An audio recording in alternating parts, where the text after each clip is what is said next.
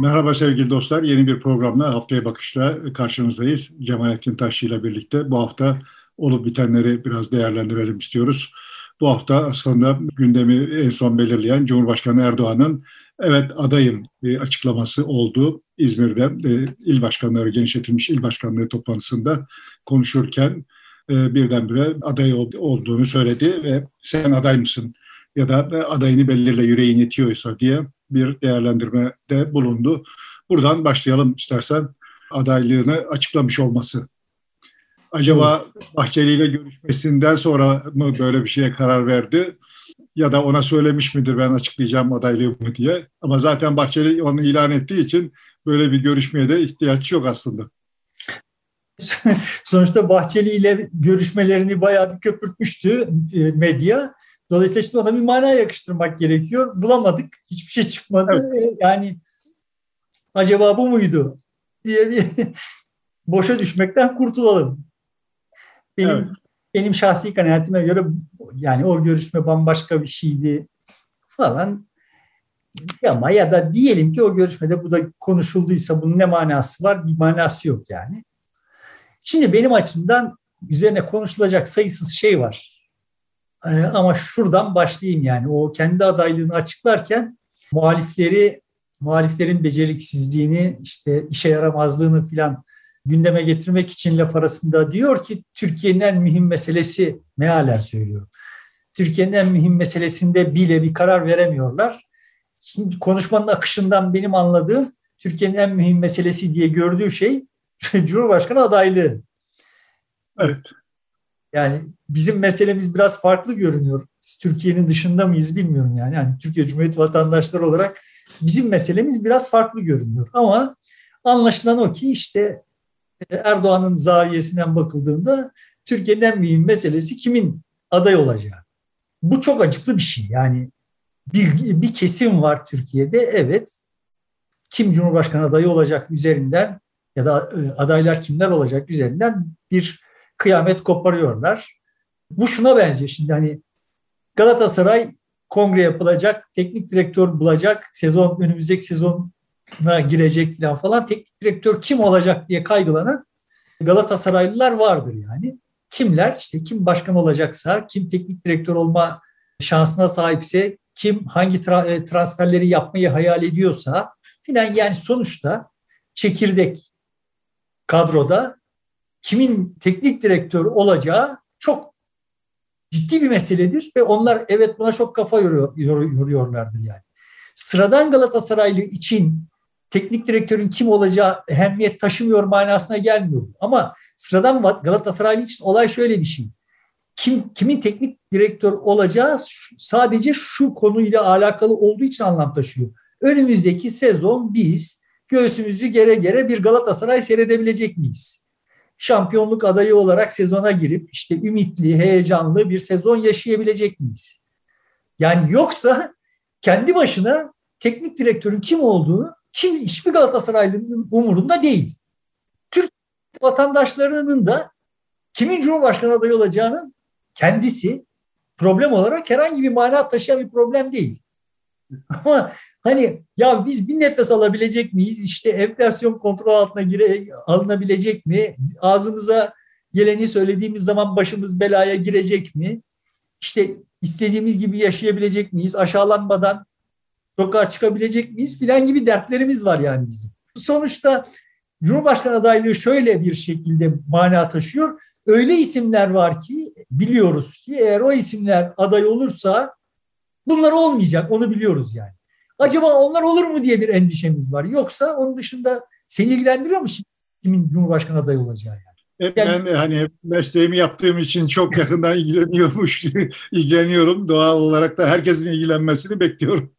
Peki ama yani ben, ben o zaman söyleyeyim yani sizin mesleğinizi takip eden sıradan yurttaşlar olarak bizim çok umurumuzda değil yani. Bizi buradan birisi, birisi kurtaracak olsun Tamam o kim o kimmiş bizi çok ilgilendirmiş. Ama görünüyor ki Erdoğan ve yanındaki işte o menajerler, futbolcu kazıklayacak olanlar, şunlar bunlar kimin aday olacağıyla çok yakından ilgileniyorlar. Böyle Türkiye'de bir diyelim ki bir 20-30 bin kişi var şu anda. Evet birinci önceliği kimin aday olacak? Çünkü ticari kariyeri ona bağlı, kimin aday olacağına bağlı, efendim işte hangi makama gelip gelemeyeceği ona bağlı vesaire olan bir, bir grup var ve bunlar birbirleriyle yetişiyorlar. Onlar için birinci öncelik kimin aday olacağı yani o adaylığın sonrasında Türkiye'nin ne olacağı değil yani. Ama çoğunluğu birinci derdi Türkiye'nin ne olacağı, o Türkiye'nin ne olacağı ile ilişkili olarak kimin aday olacağı ilgilendiriyor. Yani Sayın Erdoğan'a söylemiş olayım ki Türkiye'nin birinci derdi kimin aday olacağı değil. Birinci husus bu. İkinci husus videoların birinin altına izleyicilerimizden Kızıl Kara Prekarya nikli izleyici bir not düşmüş. Görmüşsündür tahmin ediyorum. Erdoğan eğer seçim zamanında yapılırsa aday olamayacak mevcut mevzuata göre. Dolayısıyla aslında muhalefetin bir de sonuçta Türkiye'yi seçime götürecek kararı meclisten alacak çoğunluğu da yok Cumhur İttifakı'nın. Yok. Dolayısıyla muhalefet acaba sonuna kadar zorlayıp, Haziran'a kadar zorlayıp, 2023 Haziran'ına kadar Erdoğan adaylığını imkansızlaştırsa daha iyi olmaz mı? Bunun üzerinden bir değerlendirme yap, yapılması gerekmez mi demiş. Şimdi Erdoğan 2023'te e, seçim 2023'te olursa eğer aday olup olmayacağı, olup olamayacağı mevzuata göre biraz anladığım kadarıyla netameli bir mevzu. Evet yani tartışmalı bir. Evet. Olabileceğini... 101. maddesi çok açık ve net bir şekilde iki kez seçilmiş biri üçüncü kez aday olamaz diyor Cumhurbaşkanlığına. Ama bu madde anayasa değiştiğinde son değişiklikte geldiği için yani birinci defa seçildiğinden sonra geldiği için diyorlar ki evet bu madde konduğunda e, konduktan sonra bir defa seçildi. Şimdi bir defa daha seçilme hakkı vardır diye bir tartışma orada var. Bir tartışma var ve bu tartışmayı gündeme getir. Diyelim ki 2023 Haziran'ına kadar böyle geldik ve bu tartışma gündeme geldi. Bir hukuk heyeti bir karar verecek. Erdoğan aday olabilir mi olamaz mı diye. Ee, seçim kurulu verecek. Seçim kurulu. İşte o kurulun, Nihai karar. O kurulun nasıl bir karar vermesini beklersin? Bu herkese göre değişir. yani benim tahminime göre o kurul Erdoğan aday olabileceği konusunda bir karar verecek. Karar. Ama sonuçta biz vay olabilirdi olamazdan diploması vardı yoktu gibi yani. Olabilirdi olamazdı gibi bir kör dövüşte bir tuhaf tartışmaya gireceğiz. Eğer muhalefet bunu gündeme getirmezse ya kardeşim tamam bizim başka dertlerimiz var aday olsun yenelim tavrına girerse vay muhalefet niye bu oyuna geldi diye bir muhalif kamuoyunda bir huzursuzluk ortaya çıkacak. E, muhalefet bunu işte Yüksek Seçim Kurulu'nun kapısında bekleyerek sündürmeye kalkarsa sonrasında da eğer Erdoğan aday gösterilirse, adaylığı kabul edilirse bu sefer muhalefet hukuk savaşını kaybettiği olacak. Her durumda bu muhalefetin aleyhine olacak yani. Bu yönetilebilir bir şey değil. Kaldı ki diyelim ki hani yönettiler. Yani bak gördünüz mü işte devlet Erdoğan'ın devleti filan mağduriyet yarattılar diyelim. Bunu yönetebildiler. Son tahlilde seçimin asıl gündemi olması gereken gündemi arka planda kalacak ve biz beyhude tartışmalarla seçim... Bu muhalefet buna girmedi, girmeyeceğini de söyledi. Bundan önce bir tartışma gündeme gelmişti. Ee, biz bu konu üzerinde e, durmuyoruz, ilgilenmiyoruz. Evet bize göre olamaz. Ama e, burası burada çok hukuk dinlemeyen bir e, cumhurbaşkanımız var. Dolayısıyla onu durdurabilecek bir güce sahip değiliz. Bu konu ancak seçimle halledilir. Biz seçime odaklandık denildi ve tartışmaktan çekindiler. Ama işte ama bu böyle bir seçime gidildiği zaman ister istemez bu tekrar gündeme taşınacak ve birileri, muhalif kamuoyundan birileri muhalefetin bu tutumunu eleştirecek bu sefer. Demeye çalışıyor. Çok güçlü çok güçlü olmayabilir o eleştiri. Çok etkili de olmayabilir. Çünkü evet. liderler ve partiler düzeyinde bu mesele ele alınmaz ise aşağıda çok fazla e, bir karşılık bulmayabilir. ben yani o kadar emin değilim. Her durumda seçim gündemine lüzumsuz, beyhude bir şey sokulmuş.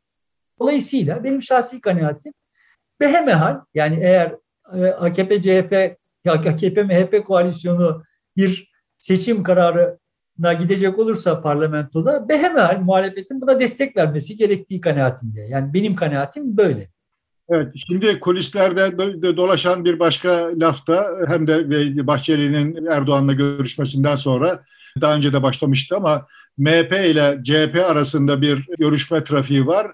Bu trafiğe göre işte bir erken seçim e, gündeme gelecek ve bunu e, ilan edecekler. Zaten e, muhalefet getirin sandığı bir an önce sandık gelsin diyor. Zaten iktidar eğer bir erken seçim sözü ederse biz istemiyoruz diyemeyeceği için seçim kendiliğinden gelir. Evet demek zorunda kalır zaten kamuoyu baskısıyla ama zaten seçimi erkene alma konusunda güya MHP'liler CHP'lilerle görüşüyor. E, bu konuda AK Parti'de olur vermiş şeklinde dolaşan bir kulis bilgisi var. Böyle olunca zaten otomatikmen Cumhurbaşkanı'nın adaylığı da tartışılmıyor. O da anayasanın 106. maddesinde ifade ediliyor, yerini bulmuş durumda. Seçim tarihi meclis tarafından erken alırsa Cumhurbaşkanı üçüncü defa aday olabiliyor. Evet. Dolayısıyla Parlamento bu kararı versin. Türkiye bir an önce seçime gitsin ve biz bu zırvalıkların sona erdiğini görelim. Muhalefet bu performans sergilesin. Bu kadar elverişli şartlarda da seçim kazanamıyor ise e, zaten biz örtke ölem yani o zaman memleketin üstüne battaniyeyi serip yatalım yani diye bakıyorum. Benim bakış açım böyle. Benim dikkatimi çeken bir şey oldu. Cumhurbaşkanı Erdoğan'ın adaylığını açıklaması sırasında ee, bir kere hiç önce bir hazırlık yoktu. Bir il başkanları İzmir'de genişletilmiş toplantısında e, sanki kendiliğinden e, o anda e, aklına gelmiş de söylüyormuş gibi anlaşılabilecek şekilde konuştu. Adaylığım ben adayım diye söylendi ve bu toplumda çok da karşılık görmedi ve bunun üzerinde de durmadılar. Üstüne üstlük işte o gün bu açıklamadan bir iki saat işte Maliye Bakanlığı'nın yeni bir tedbir, Hazine Bakanlığı yeni bir tedbir açıklayacak işte e, bu ekonominin gidişiyle ilgili çok önemli bir şeyler olacak denildi ve bütün dikkat oraya çekildi. Pek çok insan da ha, Cumhurbaşkanı adaylığını açıkladı. Şimdi de ekonomik bir tedbir alınacak, bu dövizleri düşürecek. Buradan işte bir olumlu hava yakalayacak yorumunu yaptı ama tam tersi oldu. Piyasa bu öneri açıklandıktan sonra e, bu GES gelire göre bir puan verme işi ona e, açıklandıktan sonra ilgi olmadı. Dolayısıyla Cumhurbaşkanı'nın açıklaması havada kalmış oldu gündemde kalmadı, unutuldu gitti. Bu e, siyasal iletişim açısından da son derece yanlış bir zaman ve zeminde gerçekleşen açıklama gibi oldu. Siyasal iletişim açısından ben AKP'nin ta en başından itibaren hep sıkıntılı olduğunu iddia ediyorum ama işte buradan bir kahramanlık hikayesi yazıldı rahmetli Erol Olçoğ'un filan üzerinden de aslında ilet, siyasal iletişim açısından hep bir sıkıntı vardı. Son derece basit, yavan bir altı var o iletişimin. O da net toplamda Türkiye'nin aydınlanmacılarından bezmiş olan toplumun bezginliğine oynayan ve bak onların en rahatsız olduğu adam benim. Görüyorsunuz. Üzerine kurulu bir siyasal iletişim çatısı var. Onun üstüne koydukları her şey sakin, şey yani aslında mesajı zayıflatan şeyler. Ama kamuoyu alttaki mesajı hep aldı ve e, muhalefet de bu anlamda hep AKP'nin ekmeğine yağ sürdüğü için, onun değirmenine su taşıdığı için bu çalıştı. Yoksa çok bariz bir biçimde iddia ediyorum ki iletişim başarılı iletişimcilerin iletişim konusundaki hassasiyetleri e, yani şey demek e, iste, istemediğim için bunu söylüyorum. İletişim teorisi, iletişim konusundaki bilgi birikimi demek istemediğim için bunu söylüyorum. Yani ama başarılı olduğu, olduğunu bildiğimiz kampanyaların ve stratejilerin arkasındaki yaklaşımlar ile kıyaslandığında bariz bir biçimde başarısız yani.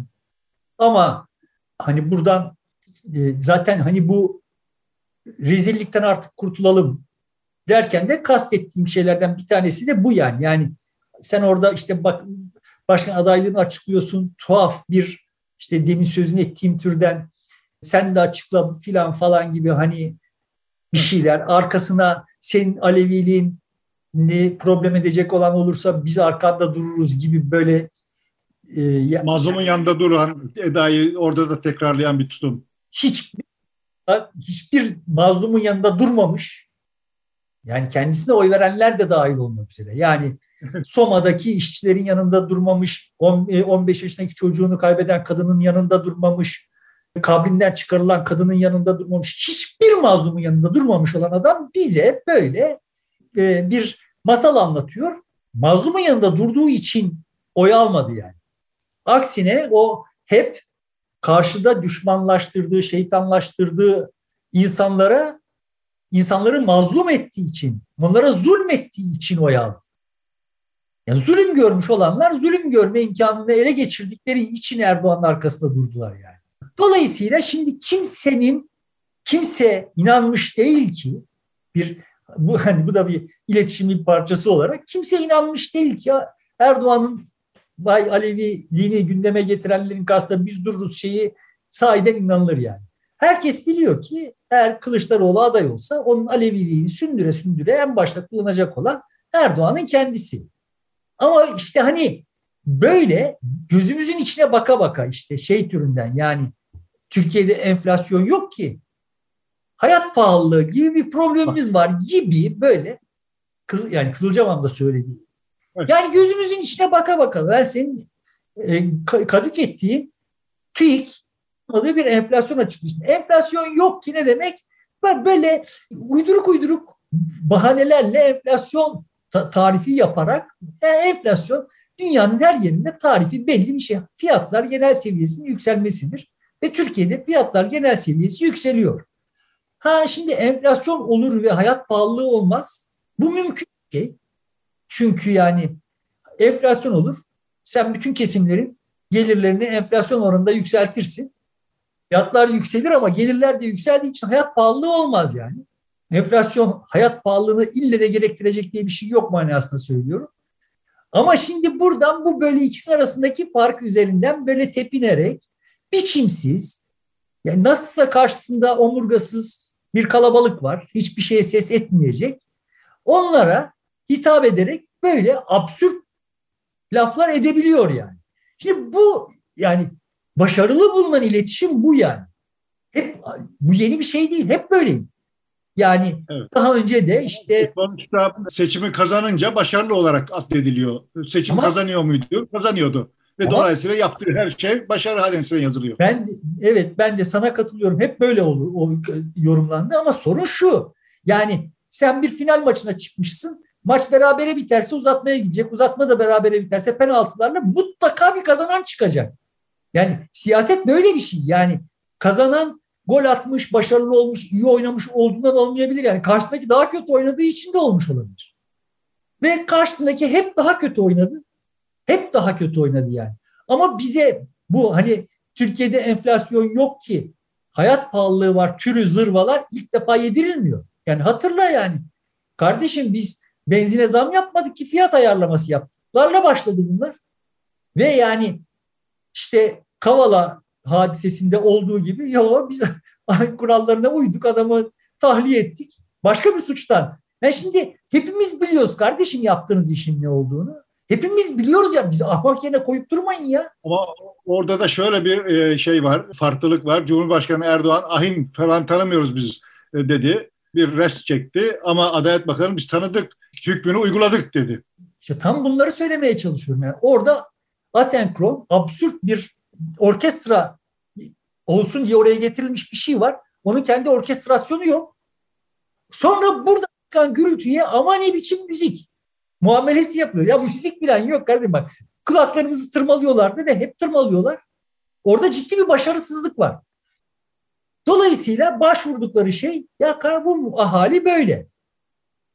Müziği gürültüden ayırt edemiyor diyorlar ve arkasından da ama orada bir de böyle bir heyet var, iletişim dehası falan, bir de belagat ustası bir filan. Şimdi böyle bir masal anlatılıyor Türkiye'de ve bu en az 15 yıldır anlatılıyor yani. 20 yılın 15 yılı biz bunu dinledik. Aslında öyle bir şey yok. Baştan beri yoktu yani. Baştan beri adam olaylar her şey iyi geç gidiyor iken çok şen şakrak. İlk tökezlemede, ilk sıkıntıda adamın çapı görünüyor yani. Ben de en başta itibaren şu intibayı uyandırmıştı. Sen hatırlarsın. Bizi izleyen gençler herhalde hatırlamazlar. Bu Vestel'in bir ara kullandığı bir çizgi karakter vardı. Bir İtalyanın çizdiği bir böyle sadece çizgiyle tek çizgiyi böyle çizerek kendi kalemi de görünecek şekilde bir karakteri vardı. Şimdi ben onun adını da bilmiyorum. O böyle güneş açar işte hava güzel oradan kuşlar buradan kelebekler falan falan o şen şakraktır falan. Oradan bir yağmur damlası düşer diye bir gürültü koparırdı. Erdoğan öyle biri yani. Başından itibaren. Her şey kendi planladığı gibi giderse o zaman ondan iyisi yok. Ama ilk ayağına taş değdiği anda bütün dünya Erdoğan'ın üstüne gelmiş gibi bir kıyametle karşılaşıyoruz. Çünkü evet planladığı gibi gitmediği zaman ne yapacağını karar verebilecek bir adam değil ve öyle bir heyeti de yanında barındırmadı. Sıkıntımız bu ya. Şimdi, e, hükümet bu hükümet son hükümet kurulduğunda dolar 4,5 liraydı. Şimdi geldiğimizde 4 yıl e, tamamlandı diyelim. Geldiğinde 17 lira oldu. 17'yi biraz da geçer duruma geldi. E şimdi bunu izah etmek, anlatmak kolay bir şey değil tabii. Bunu izah etmek, anlatmak kolay bir şey değil. Bunu izah etmek zorunda kalmayacağın iletişim stratejileri geliştirirsin. Vesaire. Tamam Ama son tahlilde sadece gürültü yapan, işler yolunda gitmediği zaman sadece gürültü yapan bir heyetle karşı karşıyayız. Yani. Bizim karşımıza geçip hep birazdan bağırıyorlar. Yani bir, bir şekilde sindiriyorlar. Net toplamda hesap şöyle bir şey. Şimdi başarılı bir siyasetçiden söz edebiliriz. Hangi şartta söz edebiliriz? Medya orada sağlam durur. İçinde muhalifleri de vardır. Burada rakiplerin parlamentoda çıkarlar, konuşurlar, yaptıklarının hesabını sorarlar, bunlara sağlam cevaplar üretirsin filan. Ha adam yani biz biz böyle büyüdük. Öyle yani siyasetçiler böyleydiler yani. Sonuçta senin kendi partinden birisi bile pekala ama bu olmaz ki diyebiliyor idi. Nadiren de olsa. Ama deme ihtimali hep orada duruyor idi yani. Sen şimdi bütün rakiplerin elini kolunu bağlamışsın. Herkesi susturmuşsun. Medyanın tamamını mülküne geçirmişsin. Devlet bankaları dahil her bir şeyi kendi kampanyanın taşıyıcısı olarak kullanacak bir edebe de adaba da sahipsin. Neyse yani. Neyse. E, bu altında seçim kazanmış olmak üzerinden bir başarı hikayesi yazılamaz ya. Yani sadece muhalefetin başarısızlığı, muhalefet başarısız. Bütün bunları doğru dürüst değerlendiremedi filan. Ama bu sadece muhalefetin başarısının üzerinden de değil. Yani. Bir de gerçekten de herhangi bir rakibin herhangi bir beklenmedik olay çıkartma, oyunu beklenmedik bir yere getirme ihtimalini e, ortadan kaldırarak siyaset yaptı Erdoğan. Çünkü evet yani o planını yarın yağmur yağacağına göre yapmışsa ve yağmur yağmıyorsa Erdoğan için bu kıyamet. Ama hepimiz hayatta sayısız sürprize karşı karşıyayız öyle değil mi? Ve bunlara uyum sağlıyoruz. Yani sen şimdi düşünsene yani mahallede birisi var ve işte yanına şemsiye almadığında yağmur yağdığı zaman ana avrat herkese sövüyor ise ya bu adamda bir ahmaklık var. Yani ya yağmur senin planlarına mı uyacak kardeşim? Dersin değil mi yani? E Türkiye öyle yönetiliyor yıllardır. Şimdi galiba biraz durum değişiyor gibi. Şimdi e, Cumhurbaşkanı e, Erdoğan işte adaylığını açıklarken bekliyordu ki belki gündem bunun üzerinde olacak. Bu olmadı. Başka bir şey hemen öne geçti. İki, orada Kılıçdaroğlu'nun Aleviliği üzerine vurgu yaptı ve ben korurum seni bu saldırılara karşı dedi. Bunu kimin için demişti? Halil e, Oran'ın sözü üzerine de İyi Parti'nin Ankara Milletvekili. O oraya işte, bir geçmeden, Alevi... oraya bir geçmeden şu Kızılcahamam mevzu hakkında da evet. söyleyeceklerimi tamamlayayım yani. Şimdi çıkıyor diyor ki 2023 hedeflerini açıkladığımızda da bize istihsa ile bakanlar vardı. E vardı evet. Şimdi 2053 hedeflerini açıkladığımızda da öyle bakıyorlar. E tamam öyle bakıyoruz. Çünkü 2023 hedeflerini açıkladığında açıkladığın hedefler yani ben onlara istihsale falan, falan bakanlardan değilim. Çünkü zaten Erdoğan'ın söylediği herhangi bir şeyi ciddi alıp da acaba buna istihsayla mı baksam, istihsasız mı baksam falan diye düşünmedim hiçbir tarihte yani. Ve fakat onlar teknik olarak doğru yönetilen bir ülkede mümkün işlerdi. Yani işte nelerdi bunlar? İlk 10 ekonominin arasına gireceksin. 500 milyar ihracatın olacak. Efendim işte işsizlik yüzde beşin altına düşecek, enflasyon tek basamak olacak filan falan gibi. Şimdi bunlar 2023 hedefleri dediği şeyler ortaya konduğunda önce şurada anlaşalım. Dönem itibariyle bakıldığında Türkiye'ye 2023 hedefi koymak doğru bir iletişim stratejisiydi. Birincisi bu. İkincisi o 2023 hedeflerini içeriği de doğru içeriklerdi. Başarılabilir, başarılamaz vesaire ama sonuçta yani istisayla bakılır bakılamaz ama sonuçta evet kamuoyunda geçmişin değerlendirmeleri yerine bir e, gelecek hayali inşa etmek doğru politikalardı. Orada işte birileri besbelli ki Erdoğan'a böyle bir akıl verdiler. Bir paket yapıldı ve iş ilk aksadığı anda güme gitti. Yani olaylar planladığı gibi gelişmediğinde, bu planladığı gibi gelişmediğinde ben kastım o içeriye uygulamadığında değil. Yani bu hayalleri uyandırdığı toplum onun beklediği gibi davranmadığında birdenbire küstüm oynamıyorum oldu. Yani iletişim stratejisinin arkasına yeni iletişim duruma göre yeni iletişim hamleleri ya tamam inanmıyorsunuz ama bakın filan gibi ya da tamam şu oldu ama gibi böyle destekler koyarak o gelecek hayalini sürdürmekten anında vazgeçildi. Osmanlı'ya yeniden rücu edildi ve yeniden korku yani hayal ve ümit yerine yeniden korku, öfke ve nefret üzerinden siyaset üretilmeye başladı. Kastım bu yani. Ama eğer meselemiz buysa birileri istisayla bakmışsa iyi bakmışlar. Çünkü bu koyduğun hedeflerin hepsinde biz misliyle geriye gittik. Şimdi niye 2053 hedeflerine inanalım senin? Yani sen şimdi bizim önümüze bir 2053 hedefi koyarak yeniden bizi kısır şeylerden çıkartmak istiyorsan birinci birinci olmazsa olmaz şey 2023 hedeflerini hatırlatmayacaksın. Hatırlatırsan inanacaktıysak bile biz 2053 hedeflerine inanmayız yani. Anlatabildim derdimi zannediyorum. Yani böyle ortada bir iletişim başarısı falan yok.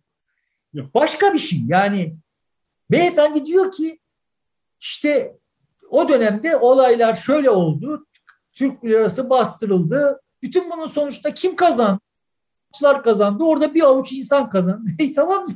Yani biz de zaten bunu söyledik. Hep bunu söylüyoruz yani biz. Ya şimdi bir avuç insana kazandıra gelmiş 20 yıl boyunca bir adam çıkacak diyecek ki ama hangi tarihler yani onun iktidarda olduğu tarihlerde bir avuç, şimdi de bir avuç insan kazanıyor. Yani hep öyle oldu zaten ve tekrar bir iletişim kazası bu. Evet, evet Cumhur e, biraz önce sorduğum gibi Cumhurbaşkanı Erdoğan kendi adaylığını açıklarken e, er, e, Kılıçdaroğlu'nun Aleviliği meselesini gündeme getirdi. Bak bu konuda seni eleştiriyorlar. İşte bunun için oy alamayacağını falan söylüyorlar. Biz seni sahip, sana sahip çıkarız dedi. Ama bunu muhtemelen İyi Partili Ankara Milletvekilinin Kılıçdaroğlu hakkında söylediği o ben severim aslında benim için bir önemi yok ama bazı işte insanlar özellikle Sünni Müslümanlar oy vermezler demesi üzerine bu konu üzerine gitti. E, Meral Akşener gerçi hemen aynı gün özür diledi mitingde. E, çok net bir şekilde hem Kılıçdaroğlu'ndan hem üzülen herkesten e, bu kendilerinin politikası olmadığını söyledi ve e, milletvekili Halil Orhan'ı da disiplin kuruluna verdi. Ama belli ki Cumhurbaşkanı Erdoğan buradan bir şey yapabileceğini düşündü. Altılı masa içerisinde bir delik açabileceğini düşündü.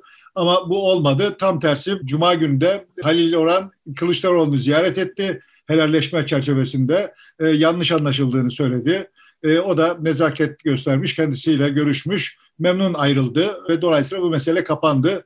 Disiplin meselesi de bizim parti şey iç meselesidir, hallederiz dedi. Yani muhalefet Cumhurbaşkanı Erdoğan'ın problem gördüğü bir yerden saldırıya geçtiğinde orada çok hızlı hareket ederek burada bir yarası olmadığını, burada bir bütün olduğunu gösterebilmiş oldu. İlk defa belki ya da son zamanlarda bazen böyle şeyler yapabiliyor. Burada da çok hızlı davrandı ve boşa çıkarttı Erdoğan'ın bu hamlesini gibi gözüküyor. evet bu mevzu üzerinden de konuşulacak çok husus var yani. Birincisi şu. Hani ben Alevi olsaydım ya bana ayrı bize ayrımcılık uyguluyorlar zannediyorduk. Biz meğer hiç kimsenin öyle bir derdi yokmuş. Hiç kimse bir ayrımcılık uygulamıyormuş. Sonucuna varacaktım yani. Yani çünkü herkes ya aslında tabii ki ben benim öyle bir derdim yok ama filan diye başlıyor ama işte diye bir yerlerde birilerine topu atıyor. Yani televizyonda konuşanlar, sosyal medyada konuşanlar hani kimse kardeşim bu memlekete Alevi bir cumhurbaşkanı olmaz demiyor. Böyle bir cümle hiç görmedim. Sen gördün mü bilmiyorum. Yok zaten böyle derse e, aforoz edilir muhtemelen. Herkes itiraz Yani aslında yokmuş yani. Alevilere karşı bir ayrımcılık yokmuş. Görünen o yani. Alevilere öteki olarak bakan kimse yokmuş yani memlekette. Meğersem öyleymiş. Birinci husus bu. İşte ikinci husus tam da bu konuyla ilgili değil ama bunun tetiklediği bir şey olarak yine sana bir sorun var. Meral Akşener ne kadar zaman oldu? Bir ayı geçti herhalde. Partisinin üst kadrosunda bir operasyon yaptı ve işte hep birlikte yine Meral Akşener'in partisini merkez sağa yanaştırmaya çalışıyor olduğu gibi böyle o operasyona çok büyük anlamlar yüklediniz filan. Ben şimdi bu olaylar olup dururken birileriyle sohbet ederken birdenbire şöyle bir duyguya kapıldım. Oradan beri Meral Akşener'in yaptığı hiçbir şey yok. İyi Parti'nin yaptığı hiçbir şey yok yani. E, bu kötü bir şeydir, olumsuz bir şeydir manasında söylüyorum. Belki de hiçbir şey yapmadan seçim alınması alınacak bir tarihteyizdir. 1999 seçimi öyle bir seçimdi. Yani hiçbir şey yapmayan DSP birinci parti, MHP ikinci parti çıkmış idi. Hiçbir şey yapmamak, siyaset hiç siyaset üretmemek filan da bir şey olabilir. Ama yanılıyor muyum? Yani Meral Akşener ve partisi oradan bu yana patinaj yapıyor. Herhangi bir bir atraksiyon yok ortada. Bir aksiyon yok. E, geziye sahip çıktı filan. Yani onun dışında öyle çok fazla bir şeysi yok. Evet. Osman Kavala'nın mahkumiyetine itiraz etti. Gezi olaylarında gençlerin yanında yer aldığını söyledi filan. Üzerine gidildi bu yüzden de eleştirildi. Evet o bile bir şey yani. Evet benim hesaba katmam gereken ve katmadığım bir şeymiş. Ama bende kalan şey İyi Parti çok vites küçülttü. Bu şu manaya gelmiyor. Anlaşılan o ki oy, oyları artıyor olan tek parti İyi Parti. Ve ona da hizmet ediyor olabilir yani. Bu kadar düşük profilli olmak ona da hizmet ediyor olabilir. Üçüncüsü ama bu hadise asıl sorulması gerekiyor olan soru şu yani. Ankara milletvekili bunu kendisi kendi inisiyatifiyle kendi düşüncesi olarak bir mecliste bir yeri geldi de mi söyledi yoksa İyi Parti'nin aslında Kılıçdaroğlu'na tam olarak söyleyemediği bir şeyi yani altılı masada söyleyemediği bir şeyi böyle mi dile getirildi? Yoksa aslında İyi Parti'nin kurumsal olarak bunu söyleme gibi bir niyeti olmadığı halde İyi Parti'nin içinde birileri Meral Akşener'den bağımsız olarak, kurumsal kimlikten bağımsız olarak o kurumsal kimliğin muhalif kesimi olarak mı sayın milletvekilini görevlendirdi? Şimdi bu üç opsiyonda mümkün. Öyle değil mi? E, üçüncüsü sanki daha doğru, doğru gibi. Çünkü bir YouTube kanalında bunu açıkladı. Herhangi bir yerde bir konuşmada değil. E, oradaki bir röportajda. Bilerek isteyerek gittiği bir röportaj. Ve evet ben de üçüncüsünün en galip ihtimal olduğunu düşünüyorum. Bu şunu gösteriyor. İyi Parti'nin içinde en azından başka diğer her şey bir tarafa kalmak kaydıyla en azından Kılıçdaroğlu'nun adaylığı konusunda teyakkuza geçmiş, bundan hoşlanmayacak olan bir kesim var. Muhtemelen o kesimin tek derdi Kılıçdaroğlu'nun aday, e, adaylığı da değil. O kesimin değil. partinin yönetim tarzıyla, politikalarıyla vesaireyle bir sıkıntısı var muhtemelen. Yani partinin içinde kaynayan bir kazan var. Bunu da olumsuzluk olarak söylemiyorum. Yani eğer doğru yönetilirse, iyi yönetilirse o kaynayan kazanlar genellikle enerji üretirler. Ama e, Akşener bunu iyi yönetir mi, yönetebilir mi filan diye sorarsan oradan ve orada şüphelerim gündeme gelir artık. Ama görünüyor ki orada bir bir sıkıntı var. Son tahlilde bu olayı bir yere bağlamak gerekecekse yani Kılıçdaroğlu'nun adaylığı çok gündeme gündemi işgal ediyor olması herkeste Kılıçdaroğlu'nun aday olacağı aday olma ihtimalinin zaten herkes Kılıçdaroğlu'nun e, aday olma ihtimalinin yeterince yükseldiği kanaatindeydi. Bu giderek yükseliyor. ihtimal yükseliyor. Herkesin zihninde gibi görünüyor. Ben bütün bunlara rağmen ve hatta bütün bunlar yüzünden Kılıçdaroğlu'nun adaylık ihtimalinin düştüğü kanaatindeyim. Yani onu da söylemiş olayım. Şimdi sen öyle diyorsun ama sanki Cumhurbaşkanı adaylığı olduğunda ve aday seçildik, Cumhurbaşkanı seçildikten sonra neler yapacağına dair pek çok değerlendirme var. Hatta BBC'de, Türkçe BBC'de bununla ilgili bir geniş analizde çıktı. aday olur olmaz mesela CHP parti rozetini çıkaracak bir e, vekil atayacak. Kendisi genel başkanlıkta kalacak ama parti işlerine çok fazla karışmamak üzere Cumhurbaşkanlığı kampanyası yürütecek. Cumhurbaşkanı seçilince de yetkilerini dört kritere göre belir, kullanacak. İşte kullanabileceği yetkiler var. Onlardan vazgeçemedikleri. Anayasa ve yasalarda olmasına rağmen kullanmayacağı yetkiler var. Mesela kararname iş çıkartmamak gibi. Hükümet ile e, müştereken kullanacağı yetkiler var bir de Cumhurbaşkanı'nın yerine kullanılacak yetkiler var diye sınırlamışlar bile. Yani demek ki ne yapılacağına dair bir çalışma var ve bunun haber olması istenmiş ve e, BBC gibi bir kanal da bunu haber yapmış. Yani işte bütün bunların olmuş olması için yani BBC'nin yaptığı haberin gerçek bir şeyin haberi olabilmesi için olayın şöyle olmuş olması gerekiyor. Kılıçdaroğlu en azından bir kişiyle en az bir kişi ama yani daha muhtemelen daha bir akil heyetle bir masanın etrafına oturmuş. Biz Cumhurbaşkanı adayı olduğumuzda ne yapacağız? Bunu tartışmışlar, sonuçlara varmışlar, kağıda dökmüşler, kayda geçirmişler filan. Sonrasında her nasıl olduysa o masadaki, o heyetteki birisi veya birileri bunu bir takım gazetecilere sızdırmış. Yani bu teknik olarak imkansız bir şey ya. Ya Kılıçdaroğlu eğer kendisi aday olmayı düşünüyor ise ve aday olduğunda parti rozetini çıkartmayı da düşünüyor ise bunu karısına dahil, dahil karısı dahil kimseye söylememiştir kardeşim. Yani düşünüyorsa bile söylememiştir yani. Dolayısıyla evet. Bunu hemen şuradan hareketle gazeteciler yazmış olabilir. Muharrem İnce aday olduğunda ilk önce parti rozetini çıkarmıştı. Ben Cumhurbaşkanı adayım diye. ha o zaman Kılıçdaroğlu da aday olursa parti rozetini çıkartır diyebilir akıl yürütmeyle. Sonuçta her şey sembol üzerinden semboller üzerinden basitleş yani sadeleştiriliyor, kompaktlaştırılıyor yani. Tabii ki bu tür şeyler söyleyeyim. Sorun benim derdim orada değil. Yani. Benim derdim şurada. Bu BBC'ye sızdırılmış bir şeyse eğer bilinçli olarak sızdırılmış bir şeyse bu benim tezimi benim açımdan benim bakış açımdan bakıldığında benim tezimi doğruluyor. Olmayacak yani. Kılıçdaroğlu aday olmayacak. O, yani en azından aday olmayacağına karar vermiş. Ama bak benim adaylığım konuşulsun. Benim üstüme kim aday göstereceksin diye gelmeyin kardeşim. Demek için benim adaylığım konuşulsun diye bunları yapıyor olabilir, sızdırıyor olabilir. İkinci ihtimalde aslında gazeteciler bunları kendi kendilerine uyduruyorlardır. Yani orada bir sinyal, burada bir sinyal bunları görüp olsa olsa ben olsam filan gibi akıl yürütmelerle gazeteciler bunları uyduruyorlardır. Nasıl olsa kimse e, hani bu kulis bilgisini kimden aldın demeyecek şeyin e, gizliliği var. Kaynağın gizliliği var yani. Dolayısıyla zaten kaynağın gizliliği olmasa bunu diyelim ki falanca CHP milletvekili veya parti genel başkan yardımcısı sızdırdığı olsa o saat CHP karma karışık olur yani. Yani niye o biliyor da ben bilmiyorum diye o saat karma karışık olur. Dolayısıyla bunu biliyor olan böyle bir şey olsa ve bunu biliyor olan birisi olsa bunu sızdırmamak için ağzına bir sürer yani. bunu sızdırmamak için.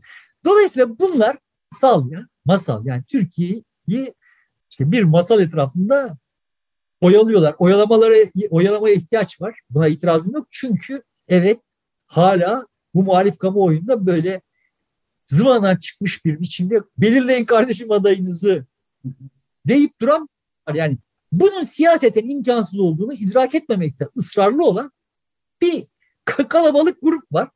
Dolayısıyla benim kanaatim şu ki Kılıçdaroğlu kendi adaylığının konuşulmasını istiyor.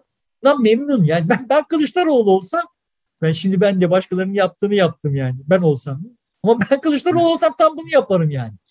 Yani bak ben Kılıçdaroğlu olsam şunu yaparım deyip de bir şey uydurmuyorum yani. O ya, olmuş olan ne varsa aha işte tam bunu yaparım yani. Yani İmamoğlu'nu mu göstereceksin Mansur Yavaş'ı mı? Başka bir adayın var mı?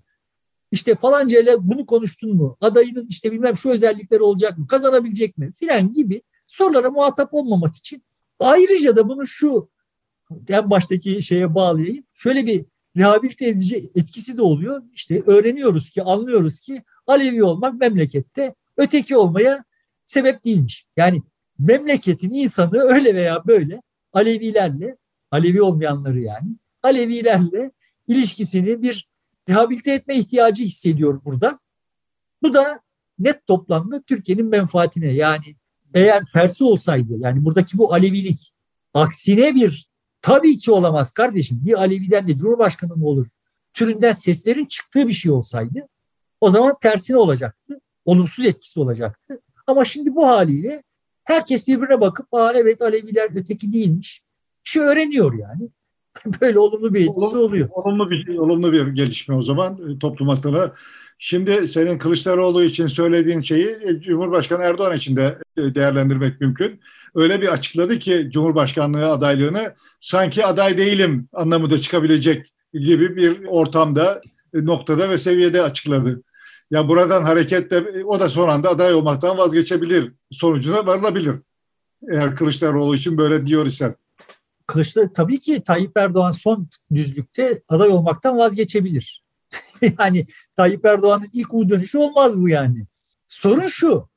Öyle veya böyle bu lafı ettikten sonra çok low profile bile olsa, çok düşük profilli bir yerde, bir ortamda etmiş bile olsa bu lafı ettikten sonra aday olmadığı durumda Erdoğan'ın siyaseten herhangi bir iddia sahibi olma ihtimali artık yok. Kılıçdaroğlu için olay öyle değil. Yani iki sebeple değil. Yani birincisi Kılıçdaroğlu kendisinin adaylığını konuşturuyor ama ben adayım diyerek konuşturmuyor. Birileri ona adaylık yakıştırıyor da konuşturuyor. Yani hiç çıkıp demedi ben adayım diye. İkinci sebebi de şu. Kılıçdaroğlu'nun şöyle bir mazereti var. Ya ben aday olacaktım ama altılı masada bunu değerlendirdik ve arkadaşlar bunu istemediler. Deme lüksü var. Dolayısıyla buradan Kılıçdaroğlu söylemiş olsaydı bile U dönüşü yapmasının Kılıçdaroğlu'na riski şu noktada Erdoğan'ın aday olmadığı durumdaki risk Erdoğan için olan riskten çok düşük yani. Erdoğan'ın buradan sonra ben Erdoğan aday olmayabileceğini düşünüyor idim. Kendi hesabıma böyle düşünüyorum. Ama şimdi şu safhada adaylık adaylığını çektiği zaman onun kendi yerine gösterdiği adayın hizmete uğramasını önleme şansı yok artık. Ama hiç bu lafı etmemiş olsa ve seçime giderken kendi yerine makul bir aday gösterse bunu açıklayabilir ve onun arkasına bir tahkimat yapabilirdi. Şimdi kaybetmekten korktuğu için aday olmadı olacak. Evet, Aday olacak niyeti vardı ilan etti. Kaybetmekten korktuğu için aday olmadı. Kaybetmekten korkan bir insanın kazanma şansı yoktur siyasi. Yani teknik olarak zaten yoktur. Kaybetmekten korktuğun zaman kazanamazsın.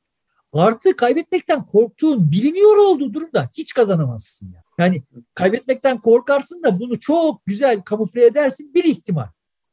Ama bunu böyle kamufle edemeyecek hale gelmişsen hiç şansı yoktur. Dolayısıyla kendisinin bütün iddialarından vazgeçmesini gerektirir Erdoğan'ın burada tornistan etmesi. Böyle bir ihtimal var mı? Var. Hala var. Yani ha, ha, hatta şöyle diyelim yani. Evet tam da bu yüzden e, seçimde aday olmamasının bütün siyasi iddialarından vazgeçmesi manasına geldiğinin herkes farkında olduğu için vazgeçme ihtimali var. Adaylıktan vazgeçme. Anlat şöyle anlatayım. Eğer kendisini güvenceye alıp artık tamam benden kimseye zarar gelmeyecek ve ben beni bir daha duymayacaksınız ama üstüme varmayın.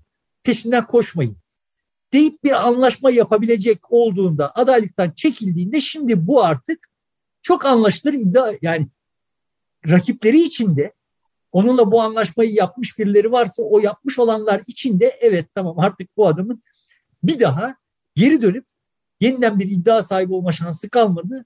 Buna bu taahhüdü verebiliriz. Deme ihtimallerini arttırıyor. Dolayısıyla böyle bir anlaşma zemini olursa eğer Erdoğan'ın bunu açıklamış olması o anlaşmayı yapması için şartları kolaylaştırıyor. İstersen buradan biraz ekonomiyi anlamadığımız bir konuya e, geçmiş olalım. E, gerçi kimse de anlamadı. E, gelire endeksli senet diye devlet içi borçlanma senedi. Gelire endeksli devlet içi borçlanma senedi GES çıktı. İlk çıktığında e, hiç kimse anlamadı. Hadi benim anlamamam anlaşılır ama Şamil Tayyar da anlamamış partinin yöneticisi e, olmasına rağmen. O gün kimse açıklama da yapmadı. E, Cuma günü geç vakitte e, bir açıklama yapıldı e, mesai saati kapandıktan sonra. Şöyle şöyle olacak Türk Hava Yolları'nın geliri buraya verilecek. Kıyı Genel Müdürlüğü'nün geliri de buraya aktarılacak. İşte şöyle bin lira kupon karşılığı da para verilecek gibi. Ben hala tam fazla anlamadım tekniklerini ama muhtemelen ilgililer anlamışlardır. Bu hem ekonomiye çare olacak mı ya da bu da aslında siyasal iletişim açısından bize çok net başka bir şey söylüyor gibi duruyor. İletişim açısından zaten facia, o faciaya gelelim. Geliri endeksli bu şey daha önce 70'lerde galiba bir kere yapılmış. Buna benzer bir şey yapılmış diye gördüm. Hatırlamadım yani. Son tahlilde en güzel yorumu anladığım kadarıyla Mahfiye yapmış. Mealen söyleyeyim yani. Faize faiz demek için her şeyi yapıyorlar. Yani bas bayağı faiz normal yüksek faiz faizi yükseltmiş olsaydın verecek de olduğun faizden daha yüksek faizi vaat ederek e, bu işte hani kur korumalı mevduat da böyle filan atılıyor. Neden? Yani işte faiz vermiyoruz demek için. Bunların siyasette yeri yok. Yani böyle bir şeyi bir kere yine bir kere yaparsın. Çok çaresiz kaldığında bir hamle batağa batmışsındır. Çıktın oradan artık normal zemine ama şimdi bu alışkanlık haline geldi. Yani durmadan kelimelerle oynayarak işte kavramlarla oynayarak her şeyi eğip bükerek her şey, her şeyi biçimsizleştirerek biçimini kaybettirerek yani formundan çıkararak böyle suyun üstünde kalmaya çalışılıyor. Şimdi gelelim şeye. Yani bunun ekonomiye bir çare olmayacağı şeyde görüyoruz işte bak iletişimin gücü ve hangi hazine mi? Maliye Bakanlığı. Hazine, Hazine ve Maliye Bakanlığı. Biz bir şey açıklayacağız dedi. Küt diye dolar ciddi bir düşüş gördü. Sonra bunu açıkladı ve yeniden eskisi yükseldi. Burada bir teaser yani bak az sonra bir şey var. Bir şey düşündük. Dediği zaman bu bir iletişim performansı. Ama o düşündüğü şey açıkladığı zaman evet o bu, bu işte şeyi doldurmadığı görüldüğü zaman tam bir şey oldu. yani sen şimdi hani bunu gazetecilikten de bilirsin yani televizyon haberlerinin başında geldin az sonra az sonra diye böyle durmadan bir enti yarattın yarattın. Hakikaten herkes ekranlara kilitlendi kaldı. Sonra dandik bir haber yayınladın. Ertesi gün artık kimseyi az sonralarla idare edemezsin. Evet. bir yıl küfür yersin yani. Bu muydu dersin. Ben bir kere sizin üstadınızın böyle az sonralarına tav oldum ve yani oradan itibaren ana avrat sövdüm ve bir daha da hiç izlemedim yani. Neydi Show TV'de ankormeniniz? Reha Muhtar. Reha Muhtar böyle. Yani eve gidiyoruz radyoda işte az sonra Show TV'de, Show Haber'de Reha Muhtar açıklayacak filan diye böyle bir şey köpürtülüyor. Eve geldim merakla açtım. Hiç o güne kadar Reha Muhtar Haber bülteni izlememişim yani. O gün ilk defa açtım. İşte bin tane haber hep her birisinden sonra az sonra az sonra sonrasında en son çıktı bu az sonra dediği şey böyle kof bir haber ve yani hakikaten Reha Muhtar'ın bütün hayatı boyunca işittiği küfürler kadar küfrü o gece ben ona etmişimdir. Ondan sonra bir daha hiç seyretmedim. İlk ve son oldu yani. Şimdi içi boş kardeşim. içi boş. Dolayısıyla bu içi boş şeyleri böyle şişirdiğiniz zaman bu da bir iletişim faciasıdır. Ve sadece anladığım kadarıyla Hazine ve Maliye Bakanlığı değil, Merkez Bankası bir şey işte öteki taraftan öteki ne o diğer kurumlar başka şeyler filan falan açıklamışlar ve çaresizliği görüyorsun. Ortada herhangi bir derde deva herhangi bir şey yok. Bunu şunla şunu yani herhangi bir derde deva olur, olacak olan, olabilir olan herhangi bir şey kimse de yok. Yani ben böyle bir e, dermansız hasta modunda ekonomistleri iştiyakla izliyorum. İnandığım inanmadığım, güvendiğim güvenmediğim her ekonomisti izliyorum yani. Sizin mutabık kaldığı şey şu, buradan itibaren doktor ilaç yazmaz. Çünkü evet faizi yükseltmek ki o geleneksel Erdoğan'ın asla kabul etmediği vesaire şey yapmaya karar verse bile faizi yükseltmesi gereken yer adamın şimdi yüzde seksenler doksanlar. O zaman da her şey katı bir fren yapmış olacak ve duvara vurmayacağız yere vuracağız. Yani düşeceğiz yere vuracağız. Dolayısıyla bir çare yok. Yani. Bir çare var da bulamıyorlar değil mi? Bir çare yok. Bulamıyorlar. Bunun iletişimi böyle olmaz. Beklenti yaratarak olmaz yani. Beklentiyi minimize etmen gerekiyor. Yükseltmen değil. Beklentiyi minimize edeceksin ki az bir şey tamam ya hiç değilse şunu kurtardık diyeceğiz yani. Ama işte çok reel bir akıl tutulması var ortada. Şimdi beyefendi o Kızılcahamam'da demiş ki bütün dünyada şu kadar ülkede eksi reel faiz var. E evet öyle yani. Bütün dünya zaten 2002'den itibaren yapıp ettikleriyle para vurmuştu, çamura saplanmıştı. 2008'de başımıza olmayacak işler gelmeye başladı ve oradan itibaren çıkamıyoruz. Üstüne Covid geldi, şu oldu, bu oldu. İşte evet, bütün dünyada bir sıkıntı var. Ve bu negatif reel faizlerin de bunda katkısı var. Ama ya sözünü ettiğimiz negatif reel faizler yarım puan, bir puan negatif reel faizler. Enflasyon yükseldikçe herkes e, faizleri de yükselterek o yarım puan bir puan aralığında tutuyor. Yani sonuçta kimse şöyle yapmıyor yani. Tamam negatif reel faiz neymiş kardeşim dert değil deyip enflasyon yükselirken reel faiz olduğu yerde tutmuyor. Herkes yükseltiyor faizi. Senin reel faizin 50 küsür puan resmi verilere göre kardeşim. Neyin herkeste varı ya bu? Herkeste var olan yarım puan, bir puan. Seninki 50, 50 küsür puan. Bize şöyle oldu yani olay. Erdoğan aklına geleni söyledi. Ona rağmen oy aldı ve kendisine şu güven geldi. Ben ne söylersem inanıyorlar. Bak kimse inanmıyordu. Sen onu zamanında söylediğinde de sen Kabataş'ta bacımızın üstüne şunları yaptılar falan dediğinde de kimse inanmadı. Yani. Onun yüzünden oy vermedi sana. Da şimdi bu, bu sınırlar çok zorluyor ya. Yani eskiden bu işte 6 ayda bir tane, 3 ayda bir tane, 4 ayda bir tane oluyordu. Ya şimdi her gün 20 tane. Her gün 20 tane birbiriyle alakasız laf söyleniyor ve senin dediğin gibi orada kendisi şöyle söylüyor, bakanı böyle söylüyor. Sonra bakanını fırçalıyor. Bakanı o şeyi çevirmeye çalışıyor. E, kazı çevirmeye çalışıyor. Daha kötü oluyor. Ya bakanı çıkıp söylüyor işte yani. Buradan dar gelirliler zarar görüyor. Zar da öyle oluyor. Sen şimdi bunu bunu böyle söylemesen dar gelirli bunu bilmiyor mu kardeşim? Yani dar gelirli bilmiyor mu? Bak restoranlar dolu. Trafikte otomobiller var falan ama kendisi eve soğan götüremiyor. Şimdi ya benim kaybettiğimi birileri kazanıyor diye dar gelirli bunu bilmiyor mu yani? Sana inandığından falan olmuyor. Baş, bambaşka bir sebeple olacak. Yani orada manyağın birisi bunları tahrik edecek. Ha, öyle mi böyle değil. Bu da yani bunları yaş- yaşayanlar yine oy verecekler belki bilmiyorum yani öyle bir ihtimal de var.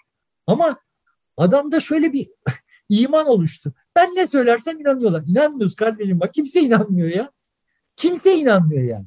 Ya, karına çocuklarına sor bakalım inanıyorlar söylediklerine. O kadar inanan olabilir. O kadar birkaç inanan olabilir diyorum. Birkaç inanan vardır dünyayla Erdoğan kadar irtibatı kesik olan birileri vardır ve onlar inanıyor olabilirler. Ama yani bak sana garanti veririm karısı inanmıyordur yani.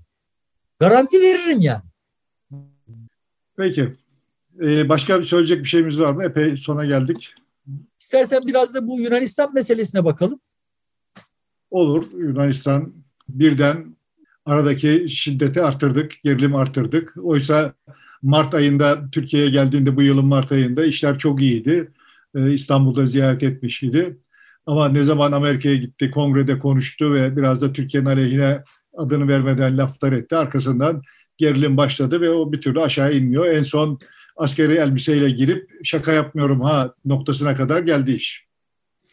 Önce yani kendi kendime bir vicdan borcu olarak bu sadece Amerika'ya gidip de yapılmış bir şey olarak görmüyorum. Yani Mitsotakis'in kendi iç politikası için uzun süredir zaten sesi büyütüyordu olduğunu düşünüyorum. Yani Ege adalarında yaptıkları şeyler yeni şeyler değil ama onları da arttırdı. İşte bu e, NATO silahlarıyla vesaireler Doğu Akdeniz'de kör gözün parmağına işler durma ve bunları köpürtmek yani. Bunları yapmakla da yetinmemek. Bunları kendi kamuoyunda köpürtmek. Görünen o ki Erdoğan'ın Batı dünyasındaki prestijinin kaybolmuş olduğu gibi bir ve işte Türkiye'nin tabii doğal olarak kaybolmuş olmasından yararlanarak bir iş çeviriyor. Yunanistan'da yaşamadığım için işin aslını bilmiyorum. Yani Yunanistan'ın menfaatine mi yoksa kendi menfaatine mi bir iş çevirdiğini düşündüğünü çıkaramıyorum. Ama net toplamda Amerika'daki gösteriyle başlayan bir şey değil. Orada zirveye ulaşmış olan bir şey var diye bakıyorum. Bu anlamda Yunanistan'ın oyunu esas bozan, esas oyun bazanının Yunanistan olduğunu düşünüyorum. bir Türk milliyetçisi olarak falan falan söylemiyorum. Yani normal şartlarda hep suçu Türkiye'de ve Erdoğan'da aramaya meyilli birisi olarak olayı böyle gördüğümü söyleyeyim. Ben bugüne kadar öyle veya böyle sessiz kalan, bunları geçiştirmeyi tercih eden, yani işte bir gürleyip sonra üç adım geri atan bir Erdoğan var idi. Ama evet sana o noktada katılıyorum. Washington'daki Mitsotakis Show galiba bardağı taşırdı veya başka bir şeyler oluyor. Başka bir şeyler oluyor ise durum zaten vahim. Burada net toplamda bu, bu tür olaylarda beni en çok kasıyor olan şey şu. Bak burada Türkiye Cumhuriyeti vatandaşları kayıp kaybediyor. Yunanistan vatandaşları kaybediyor. Mitsotakis bir şey kazanıyorsa kazanıyor bilmiyorum. Erdoğan bir şey kazanacaksa kazanacak onu da bilmiyorum. Erdoğan'ın bir şey kazanabilmesi için olayı sahiden savaş boyutuna çıkartması gerekir. Umarım olmaz. Umarım olmaz yani. Ama burada Amerika çok şey kazanıyor. Avrupa çok şey kazanıyor. Yani bu oyunu bozacak bir siyasi aktör niye çıkmıyor? Yani bu memleketin milliyetçiliği konusunda takıntılı ve saplantılı olmak nereden çıkıyor bilmiyorum. Bak şöyle milliyetçi olunabilir yani. Yunanistan ve Türkiye halkları Amerika'nın, Avrupa'nın menfaati için birbirlerine giriyorlar ve bu Türk milliyetçiliği için kabul edilemez bir şeydir diye de milliyetçilik yapılabilir. Çok şematize ettim. Ama bizi izleyenler anlamışlardır yani kastımı. Ya bambaşka milliyetçilikler de yapılabilir kardeşim. Yunan düşmanlığı üzerinden yapmak zorunda değilsiniz ya bu iş. Allah'ın garibanları Avrupa'nın Avrupa Birliği'nin Kamara olanları Yunanlılara döverek Yunanlıları döverek ne yapacağız yani biz? Dövebilsek yani onları ne elimize ne geçecek? Ya Almanı dövemiyorsak Almanın dövdüğü Yunan'ı dövmenin sana ne faydası var ya? Neyse. Teknolojimizin bize sağladığı imkanlar buraya kadar. İstersen evet, burada tamam. kapatın. Peki. Sevgili dostlar burada bitiriyoruz. Haftaya görüşmek üzere. Şimdilik hoşçakalın.